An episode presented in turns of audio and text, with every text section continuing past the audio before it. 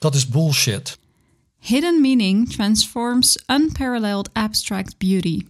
Bullshit. Nature is a self regulating ecosystem of awareness. Bullshit. A river cuts through a rock, not because of its power, but its persistence. Non bullshit.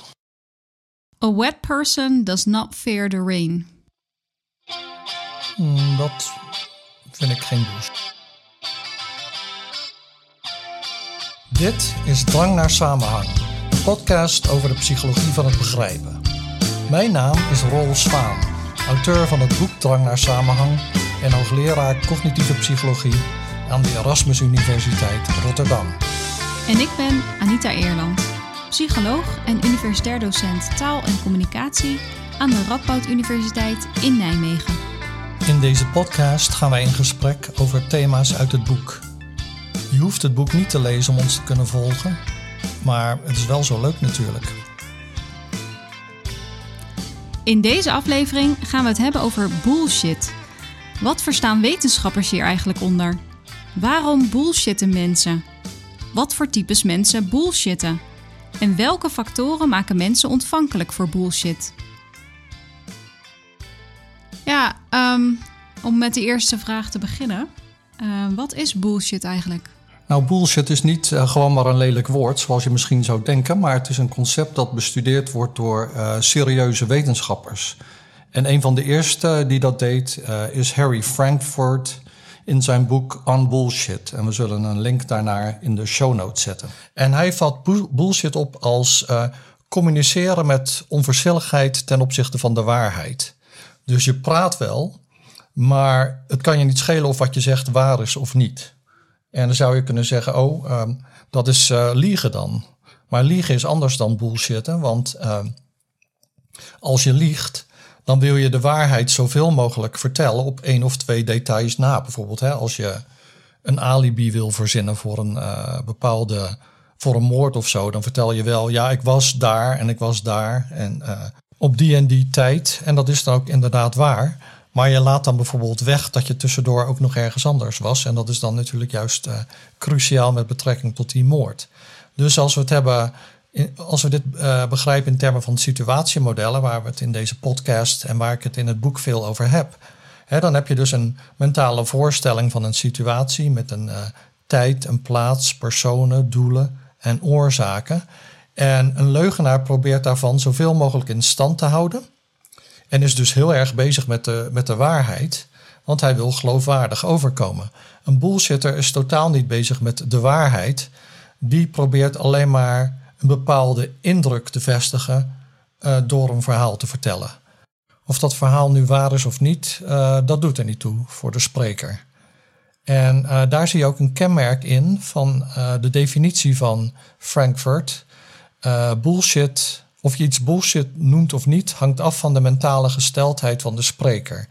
Geeft hij om de waarheid of niet? En dat is, uh, nou, dat is een beetje tricky, zeg maar, aan deze definitie van uh, bullshit. Want het kan bijvoorbeeld zijn, zegt een andere onderzoeker, dat iemand, iemand anders zijn uh, bullshit verder verspreidt en, uh, maar wel zelf aanneemt dat het waar is. Dus stel je voor, ik vertel jou een bullshit verhaal. En jij denkt, goed verhaal. En je vertelt het verder aan iemand anders. Um, dan kan het zijn dat jij uh, helemaal niet onverschillig staat ten opzichte van de waarheid. Jij gelooft gewoon dat uh, wat jij nu doorvertelt waar is. Ja, dus dan kun je ook bullshitten als je um, zelf niet onverschillig staat ten opzichte van de waarheid. En dat komt dan alleen omdat de, de boodschap zelf bullshitten blijft. Uh, ja. Als het eenmaal de wereld in is gebracht. Dus, ja, ja, dat klopt. Ja, het verschil dus uh, is dan tussen uh, wat ze noemen bullshit van de eerste orde. Dus dat is die bullshit waar Frankfurt het over had. Hè, van iemand die onverschillig staat ten opzichte van de waarheid. En tweede orde bullshit, zoals ze dat noemen. Of tweedehands bullshit zou je kunnen zeggen.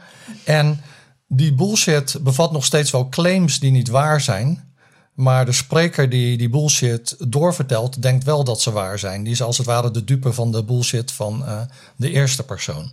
Dus uh, als je het hebt over bullshit, het product, dan is dat een product uh, dat claims bevat die niet waar zijn. En, maar dat hoeft dan niet zo te zijn dat de ver, verspreider daarvan gelooft of niet, het niet kan schelen of het waar is of niet. Ja, omdat hij het ook van iemand anders kan hebben overgenomen. Ja. en als je zo helemaal verder teruggaat naar de eerste keer dat iemand dat overbrengt, die persoon moet onverschillig staan ten opzichte van de boodschap. En dan daarna maakt het eigenlijk niet meer uit, maar ja, het verhaal blijft gewoon bullshit. Ja. ja, volgens deze opvatting.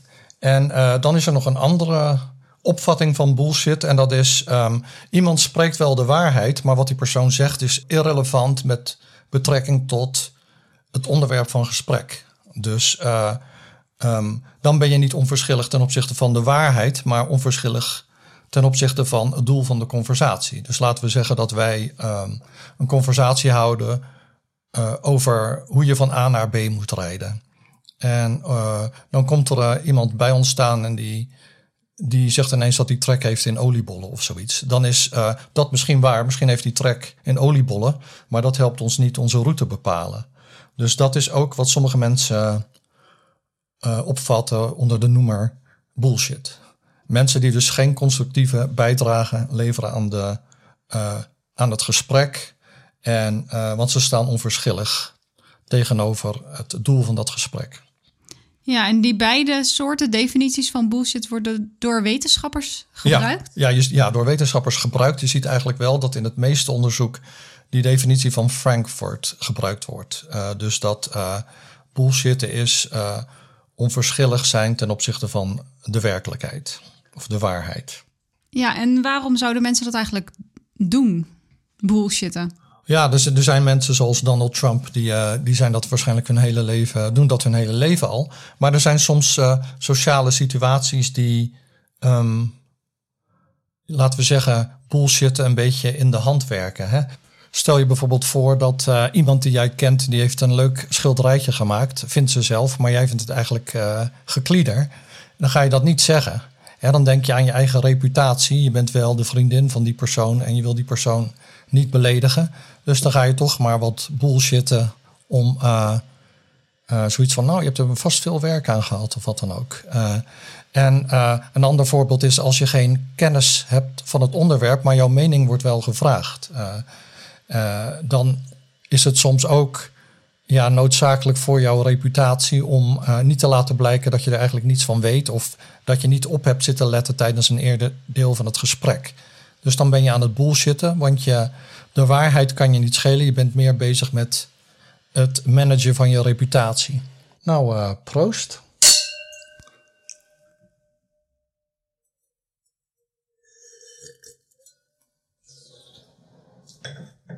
Zo, wat vind je van het wijntje? Nou, um, mooie strogele kleur. Uh, met een uitbundig boeket van uh, citrus, bloemen en uh, laurier. Ik zou zeggen elegant en fris van smaak. Met impressies van ananas, banaan, witte perzik en noten. een hele neus vol. En jij? Ja, ik vind wel een lekker wit wijntje. ja, ik eigenlijk ook wel. En ik zat maar wat uh, te bullshitten. Dacht ik al. Ehm, ja, en ik, ik kan me voorstellen dat, uh, dat er bij het bespreken van wijn mm -hmm. heel veel wordt gebullshit. Um, en ik voel me af of er ook nog andere domeinen zijn um, waarbinnen er meer wordt gebullshit dan andere. Ja, op het platteland natuurlijk. Grapje. Nee, ja, even serieus. Ja, even serieus. Maar ja, dat is moeilijk na zo'n wijntje. Maar op de uh, als je kijkt naar de literatuur, dan is er dus heel veel literatuur over corporate bullshit. En dat gaat dus over bullshit in het bedrijfsleven. En er is zelfs een soort uh, een app in de wereld geholpen waarmee je zelf je eigen corporate bullshit uh, kunt produceren. Dus ik heb nu bijvoorbeeld op een knopje gedrukt en nu staat er continually synergize, functionalize intellectual capital. en hoe wordt die bullshit nu geproduceerd? En nou, er is een lijst van bijwoorden, een lijst van werkwoorden, een lijst van bijvoeglijk naamwoorden en een lijst van zelfstandig naamwoorden. En als je die dus combineert, dan heb je een zin, een grammaticale zin. Um, maar die zin is dan bullshit, want hij Het bestaat uit woorden die gewoon willekeurig gecombineerd worden hè, tussen die lijsten. En dat zijn allemaal woorden de- die eh, management speak woorden zijn, hè, zoals eh, synergism en eh, stakeholder en leadership en agile. Ik hoor mensen het vaak over agile hebben. Ik weet gewoon bij God niet wat het is, maar diverse, eh, e-business, eh, leverage, eh, dat soort woorden. Dus je hebt een app en dan kunnen mensen zelf hun eigen bullshit Ja, creëren. dat is ja, op zich wel grappig Ja. om dan te kijken of mensen in je bedrijf dat dan pikken. Ja, en wat er dus ook leuk aan is, vind ik, is dat het illustreert eigenlijk het hele punt dat Frankfurt maakt over bullshit. Eh, je bent onverschillig ten opzichte van de waarheid, maar toch wil je wel iets zeggen wat geloofwaardig overkomt. Dus je moet wel een grammaticale zin eh, produceren. Maar dat kan dus eh, door management speak woorden te gebruiken en die eh, in een grammaticale vorm te gieten, ook al betekent het geheel eigenlijk niets. Nee, maar het klinkt dan wel eh, interessant. Want je, je gebruikt dus wel de juiste woorden in de context en het is grammaticaal. Dus ik kan me voorstellen dat mensen dan ook gewoon denken: ja, nou, ik, heb, ik weet niet precies wat het betekent, maar het klinkt wel goed. Ja, precies. Ja. Ja, Hey, en ehm, dus er wordt veel gebullshit eh, als we het eh, hebben over wijn en eh, in eh, corporate business. ja. Of, eh, En ehm, vast ook nog wel in andere gebieden. Maar ja. wat maakt nou dat er in die gebieden juist veel wordt gebullshit? Ehm, nou, dat zijn allemaal gebieden waarin er geen objectieve maatstaf is. Dus je kunt wel bullshitten over een managementstrategie of over de smaak van wijn. Maar je kunt jezelf niet bullshitten naar een tijd onder de twee uur op de marathon. Of naar een eh, vlekkeloze uitvoering van Vuur Elise. En wat zegt wetenschappelijk onderzoek over de mensen die bullshitten? Ja, daar ken ik eerlijk gezegd dan weer wat minder eh, van. Maar ik heb wel studies gezien die een relatie leggen tussen narcisme en bullshitten. Dat ligt natuurlijk voor de hand, want iemand die een narcist is, die is bezig met reputatiemanagement. En eh, ja, het beste voorbeeld dat je kunt bedenken is natuurlijk Donald Trump. Die werd dan ook tijdens zijn presidentschap de bullshitter in chief genoemd. En eh, een, recente, een recente studie legt ook een link met intelligentie. En we zullen die studie in de show notes zetten. Um, maar niet misschien op de manier waarop je denkt. Het is niet zo uh, dat intelligente mensen meer bullshitten. Maar het is wel zo dat als ze, of minder, maar dat ze, ze kunnen het wel beter. Dus als je een experiment doet en je dwingt mensen te bullshitten, dan kunnen meer intelligente mensen dat beter dan andere mensen. Maar dat wil niet zeggen dat ze het in werkelijkheid ook meer doen. Ik had van de week weer iets wat ik uh, echt totaal niet begreep. Um, we zitten nog steeds in Oostenrijk, zoals je weet. En ik heb uh, voor uh, het tweede achtereenvolgende jaar een poging gewaagd om zelf snaps te maken. Ja. van Serben. Die ja. je hier volgens mij officieel niet mag plukken. Maar als ze op de grond liggen, mag je ze wel oprapen. Een soort paarse dennenappel. Ja, paarse, ja. ja, inderdaad. Dan mag je ze dus wel oprapen en gebruiken om uh, snaps van te maken. Dus dat heb ik gedaan. Maar volgens mij uh, heb ik een beetje te sterke koorn ervoor gebruikt. Ik dacht dat snaps iets van uh, nou ja, rond de 40% alcohol moest hebben. En ik denk dat die, die boven staat ongeveer 80% alcohol heeft. Dus ja, um, dat ja, klopt. We moesten even meten hoeveel alcohol er nu in die snaps zit, zodat ik weet of ik hem nog moet uh, aanlengen of niet. Of je hem met goed fatsoen aan je familie kan uh, geven. Ook dat. Ja. of dat we hem kunnen gebruiken om ja. uh, te ontsmetten of ja, zo. Um, dus nou ja, we hebben dus een, een alcoholmeter gehaald. En ik ga hem nu even uit zijn hoesje halen. Maar het ziet er dus uit als een gewone thermometer eigenlijk.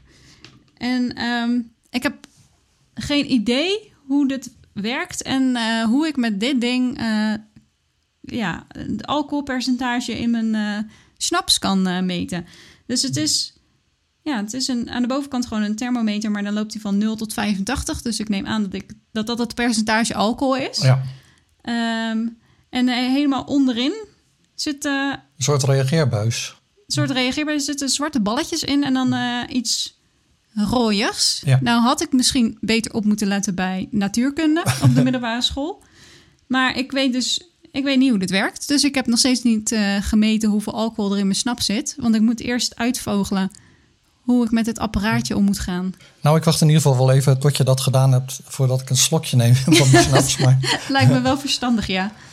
Ehm, ja, mijn onbegrip van de week heeft te maken met wandelen. We wandelen heel veel.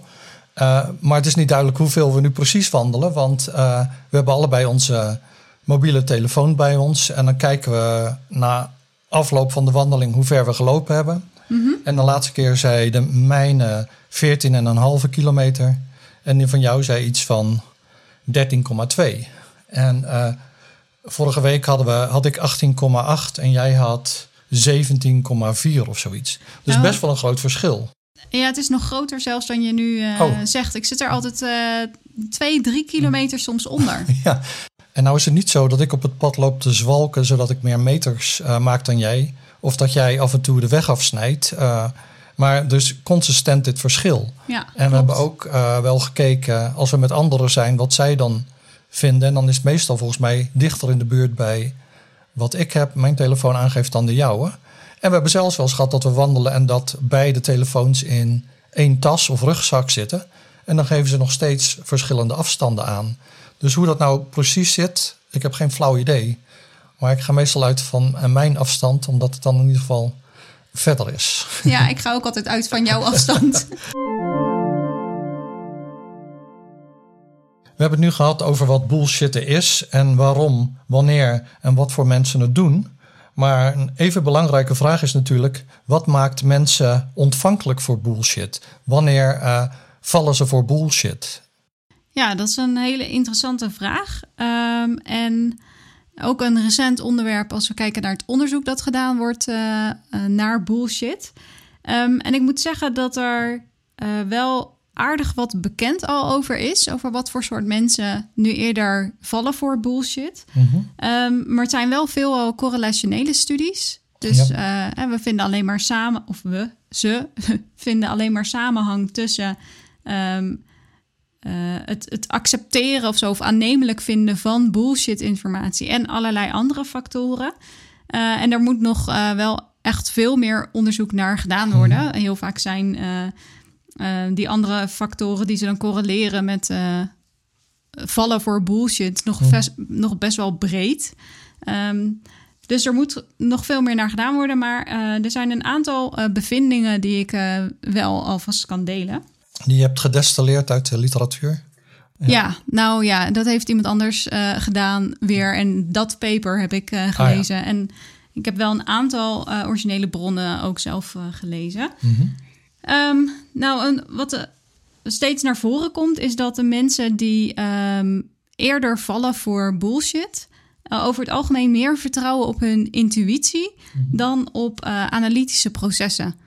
Dus eh, mensen die minder analytisch zijn ingesteld, vallen over het algemeen eerder voor bullshit dan mensen die wel meer eh, analytisch eh, zijn ingesteld. En, en hoe, hoe, hoe meet je dat dan? Of iemand eh, analytisch is ingesteld? Bijvoorbeeld in een eerdere podcast ha- hadden we het over need for cognition. En dat mensen het leuk vinden om na te denken. Is dat wat gebruikt wordt? Of, ja, die schaal is in sommige studies gebruikt. En in andere studies wordt er bijvoorbeeld gekeken naar ja, cognitief reflecteren. En dan krijgen mensen een soort van raadseltjes voorgeschoteld die ze dan moeten beantwoorden. Eh, en een voorbeeld dat iedereen eh, misschien wel al heeft gehoord is eh, als je tegen mensen zegt: Nou, ik heb een, een aanzichtkaart en een pen kosten samen 1,10 euro. De aanzichtkaart is 1 euro duurder dan de pen. Wat kost de pen? Nou, dat is een soort raadseltje waar, eh, waar op mensen heel snel, intuïtief, een verkeerd antwoord geven. Want dan trekken ze die 1 euro van 1,10 af. En dan zeggen ze dat die pen 10 cent kost. Ehm, en eh, mensen die eh, goed... En dat klopt, dat klopt dan niet. Want eh, als die pen 10 cent kost, dan kost die aanzichtkaart 1 euro meer. Dus die kost dan 1,10. Precies. En dan zou het bij elkaar 1,20 zijn in plaats Ja. van 1,10. Ja. Dus ehm, mensen zijn geneigd om heel snel hierop een antwoord te geven, maar dat is dan het verkeerde antwoord. En dat cognitief reflecteren gaat erover: kunnen mensen ehm, die, die neiging om snel het verkeerde antwoord te ge- te geven stoppen? En kunnen ze goed nadenken over het antwoord dat ze gaan geven voordat ze dat doen? Ja. Eh, en mensen die dat dus kunnen, uh, daarvan zeggen we, nou, die, die kunnen goed cognitief uh, reflecteren. En mensen die dat minder goed kunnen, die vallen, of zijn eerder geneigd om te vallen voor bullshit. Ja, dus, dus het bullshit speelt eigenlijk in op ons, op ons intuïtief denken. En, of daar maakt het gebruik van. En we moeten dus een extra stap doen, die cognitief, denk ik, dan meer belastend is om ons te wapenen daartegen. Ja, dus er, is ook een idee dat, dat mensen die eerder vallen voor bullshit misschien die cognitieve capaciteit minder hebben mhm. om, uh, om kritisch na te denken uh, over de informatie die ze krijgen aangeboden. Of misschien dat die mensen uh, minder gemotiveerd zijn om ja. Te gaan bevragen of informatie wel correct is of niet. Mhm. En dan is de default, net als wat we eerder hebben gezien bij verhalen, dat de informatie die je krijgt waar is. Ja. Of dat dat klopt. Ja, ik heb daar toevallig uh, ook iets over gelezen, um, dat misschien een aardige aanvulling is. Uh, en uh, dat is een concept en dat wordt genoemd epistemic vigilance. Dus dat je epistemic heeft te maken met kennis en vigilant is waakzaam. Dus uh, waakzaamheid met betrekking tot het waarheidsgehalte van informatie of de betrouwbaarheid van informatie. En uh, het kost veel cognitieve energie om die uh, vigilance hoog te houden. Dus in sommige contexten laat iedereen die wat varen. Bijvoorbeeld als je, als je denkt, oh daar heb je hem weer met zijn lulverhalen. Dan, dan ga je niet bij alles denken, dat is niet waar, dat is niet waar. Dan, dan let je eigenlijk helemaal niet meer op. En dan, nou ja, dan, dan denk je als hij uitgepraat is, gaan we weer verder met uh, echte discussie. En dus ik, ik kan me voorstellen dat die vigilance, die dus energie kost, dat de ene persoon daar meer van heeft dan de andere. En dat het dan daarnaast ook nog situationeel is. Dat ongeacht hoeveel je hebt in de ene situatie, heb je het meer dan in de andere. Ja. Ik vraag me trouwens af of dat wat je nu zegt, of dat ook gerelateerd is aan uh, een ander uh, aspect wat, waarover ik heb gelezen in relatie tot het wel of niet vallen voor bullshit. ontological confusion. Mm Um, dus of, of mensen makkelijk kunnen vaststellen wat waar is en wat niet waar is. Volgens mij gaat dat dan niet per se over de cognitieve capaciteit die het kost om uh, dat te bevragen, maar gewoon dat sommige mensen dat beter kunnen dan anderen. Maar dat heeft er wel mee te maken. Ja. Um, namelijk, kun je of wil je van informatie vaststellen of die waar is of niet? Dat is natuurlijk belangrijk voor, uh, nou ja, uh, het het onderscheid kunnen maken tussen bullshit en niet bullshit. En als je dat, dat niet kan, vanwege cognitieve capaciteiten of motivatie. Of en sommige dingen zijn natuurlijk algemene kennis, maar andere dingen zijn meer domeinspecifiek. Dus uh, als jij die domeinkennis niet hebt, überhaupt niet hebt, dan val je natuurlijk eerder voor uh, bullshit, denk ik. Maar uh, uh, als, maar je ziet bij sommige mensen dat, dat ze hun algemene kennis, die ze eigenlijk zouden moeten hebben, misschien niet inzetten. Want als ze dat wel hadden gedaan, zouden ze onmiddellijk uh, gezien hebben dat, uh, dat het onzin is wat ze nu lopen te verkondigen. Ja, en dan zou je ook verwachten dat er misschien toch wel ook een link is met intelligentie. Ja. en um, dat is, die link tussen intelligentie en vallen voor bullshit is inderdaad gevonden. Uh, dat uh, mensen met een lagere intelligentie over het algemeen sneller vallen voor bullshit. Um, maar daarvan is wel de vraag: ja, om wat voor soort intelligentie gaat het dan? Is dat intelligentie in de breedste zin van het woord? Of zijn er specifieke soorten intelligentie, bijvoorbeeld verbale intelligentie, mm -hmm. um, die, die die relatie uh, um, veroorzaken? Dus dat, dat is zo'n voorbeeld van uh, waar nog meer onderzoek naar gedaan moet worden om daar meer duidelijkheid over te krijgen. En, en, wat, maar wat, wat denk jij zelf? Wat, uh, wat is jouw intuïtie? Dat het uh, gaat om verbale intelligentie of is het kennis of is het, um, ja, wat zou het nog meer kunnen zijn? Ruimtelijke, ruimtelijk inzicht? Mm, ik denk niet zozeer ruimtelijk inzicht. Dus dan zou het minder snel gekoppeld worden, denk ik, aan uh, performale uh, intelligentie en eerder aan verbaal. Als ik denk aan bullshit en ook die voorbeelden die je net gaf hè, van die uh, bullshit generator, -huh. dan is, is bullshit vaak woorden gebruiken in een context waarin je ze verwacht. Ja. Um, en dan niet al te simpele woorden, maar woorden die chic klinken of zo. Ja. En ik denk dus dat je kennis moet hebben van die woorden, van hun betekenis in een specifieke context om mm, ja, te kunnen bepalen of iets bullshit is of niet. Dus ik vind die link met verbale intelligentie wel uh, plausibel. Ja, ik zit net trouwens te denken aan een heel mooi voorbeeld, wat ik misschien eerder had moeten noemen, maar uh, studenten bullshitten vaak op tentamens. Hè? Dus dan, uh, als je open vragen hebt, dan en ze weten het antwoord niet, dan denken ze: ik gebruik, gebruik gewoon wat termen uit het boek of uit colleges. En die zet ik in grammaticale zinnen bij elkaar. En dan is het wel een goed antwoord.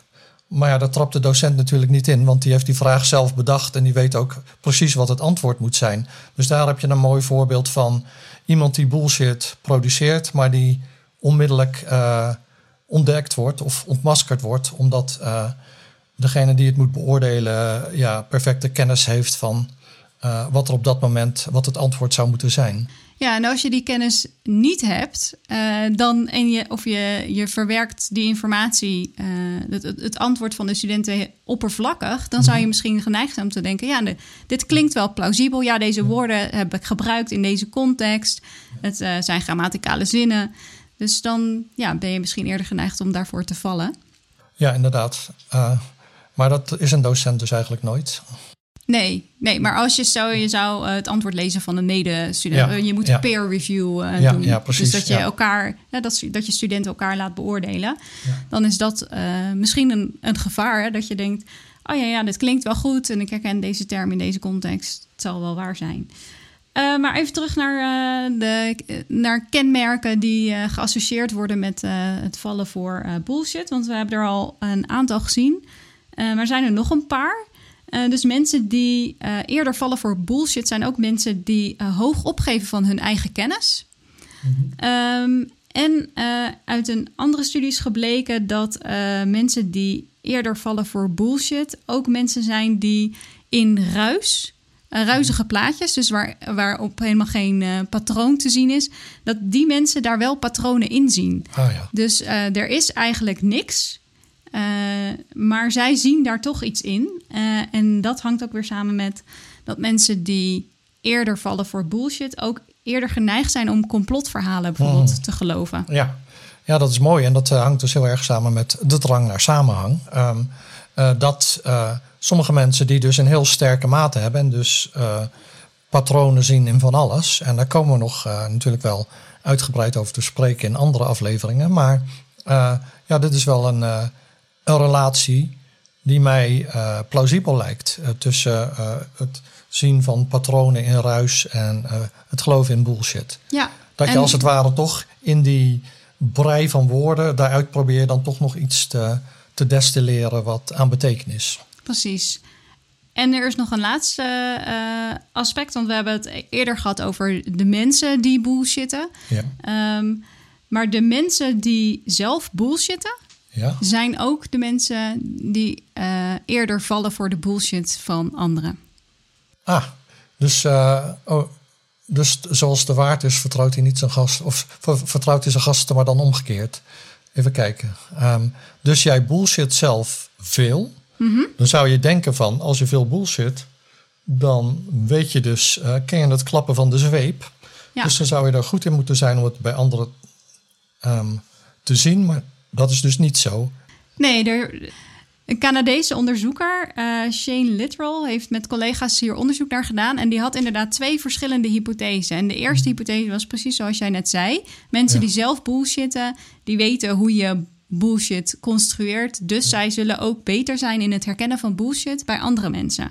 Ja, ja. Oh, ik kan me wel voorstellen wat die andere is. Maar nou ja, die andere hypothese is dus dat mensen die uh, zelf vaak bullshitten ook makkelijker vallen voor de bullshit van een, een ander. Dus de vraag was eigenlijk: als je zelf veel bullshit, kun je, uh, ben je daar dan zelf ook vatbaarder voor? Of kun je je, daar, je er juist beter tegen wapenen? Ja, maar, maar dan, dus bij die tweede hypothese zou ik dus denken dat dan de achtergrond daarvan is dat iemand die veel, of de, ja, de, hoe zeg je dat? De, ja, de achtergrond. Um, dat iemand die veel bullshit, die heeft dus uh, geen interesse in de waarheid en dus een lage epistemische vigilance, waakzaamheid heeft en dus daarom ook uh, de bullshit van anderen voor zoete koek aanneemt. Ja, dan zeg je dat dat het eigenlijk met een motivatie uh, om de waarheid te ontdekken of zo te maken heeft. Dus ja, het zou motivatie kunnen zijn, ja. Ja, ja. Ja dat, dat zou heel goed kunnen. Uh, die onderzoekers zelf die hebben het ook vooral gelinkt aan uh, um, het cognitieve vermogen en, en analytisch denken. Dus dat dat minder is bij de mensen die bullshitten. Maar dan heb je die vermogens dus ook niet om de bullshit van anderen te analyseren. en dus... Um, nou ja, de bullshit te ontdekken, om het zo te zeggen. Ehm, en die twee verschillende hypothesen hebben ze getest. Nou ja, eigenlijk ook weer door correlationeel onderzoek. Dus ze hebben um, gekeken hoe goed mensen bullshit kunnen detecteren met zo'n uh, vragenlijst waar wij helemaal aan het begin uh, uh, mee begonnen. Dus mensen kregen statements en ze moesten zeggen of, of ze die ja, plausibel vonden of niet. Ja.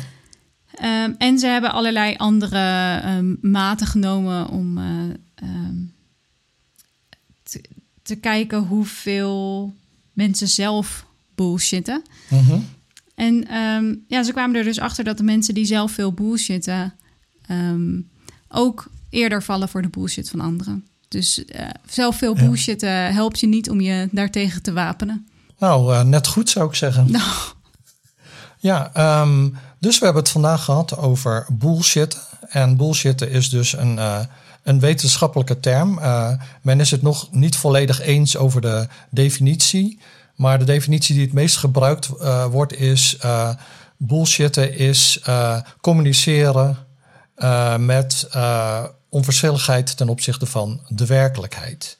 En daarna hebben we het gehad over verschillende aspecten die te maken hebben met bullshitten. Uh, we hebben het gehad over de redenen waarom mensen bullshitten. Uh, nou, er zijn verschillende sociale situaties waarin je gedwongen wordt een mening te geven, terwijl je eigenlijk de, de kennis niet hebt. En dan ga je aan reputation management doen.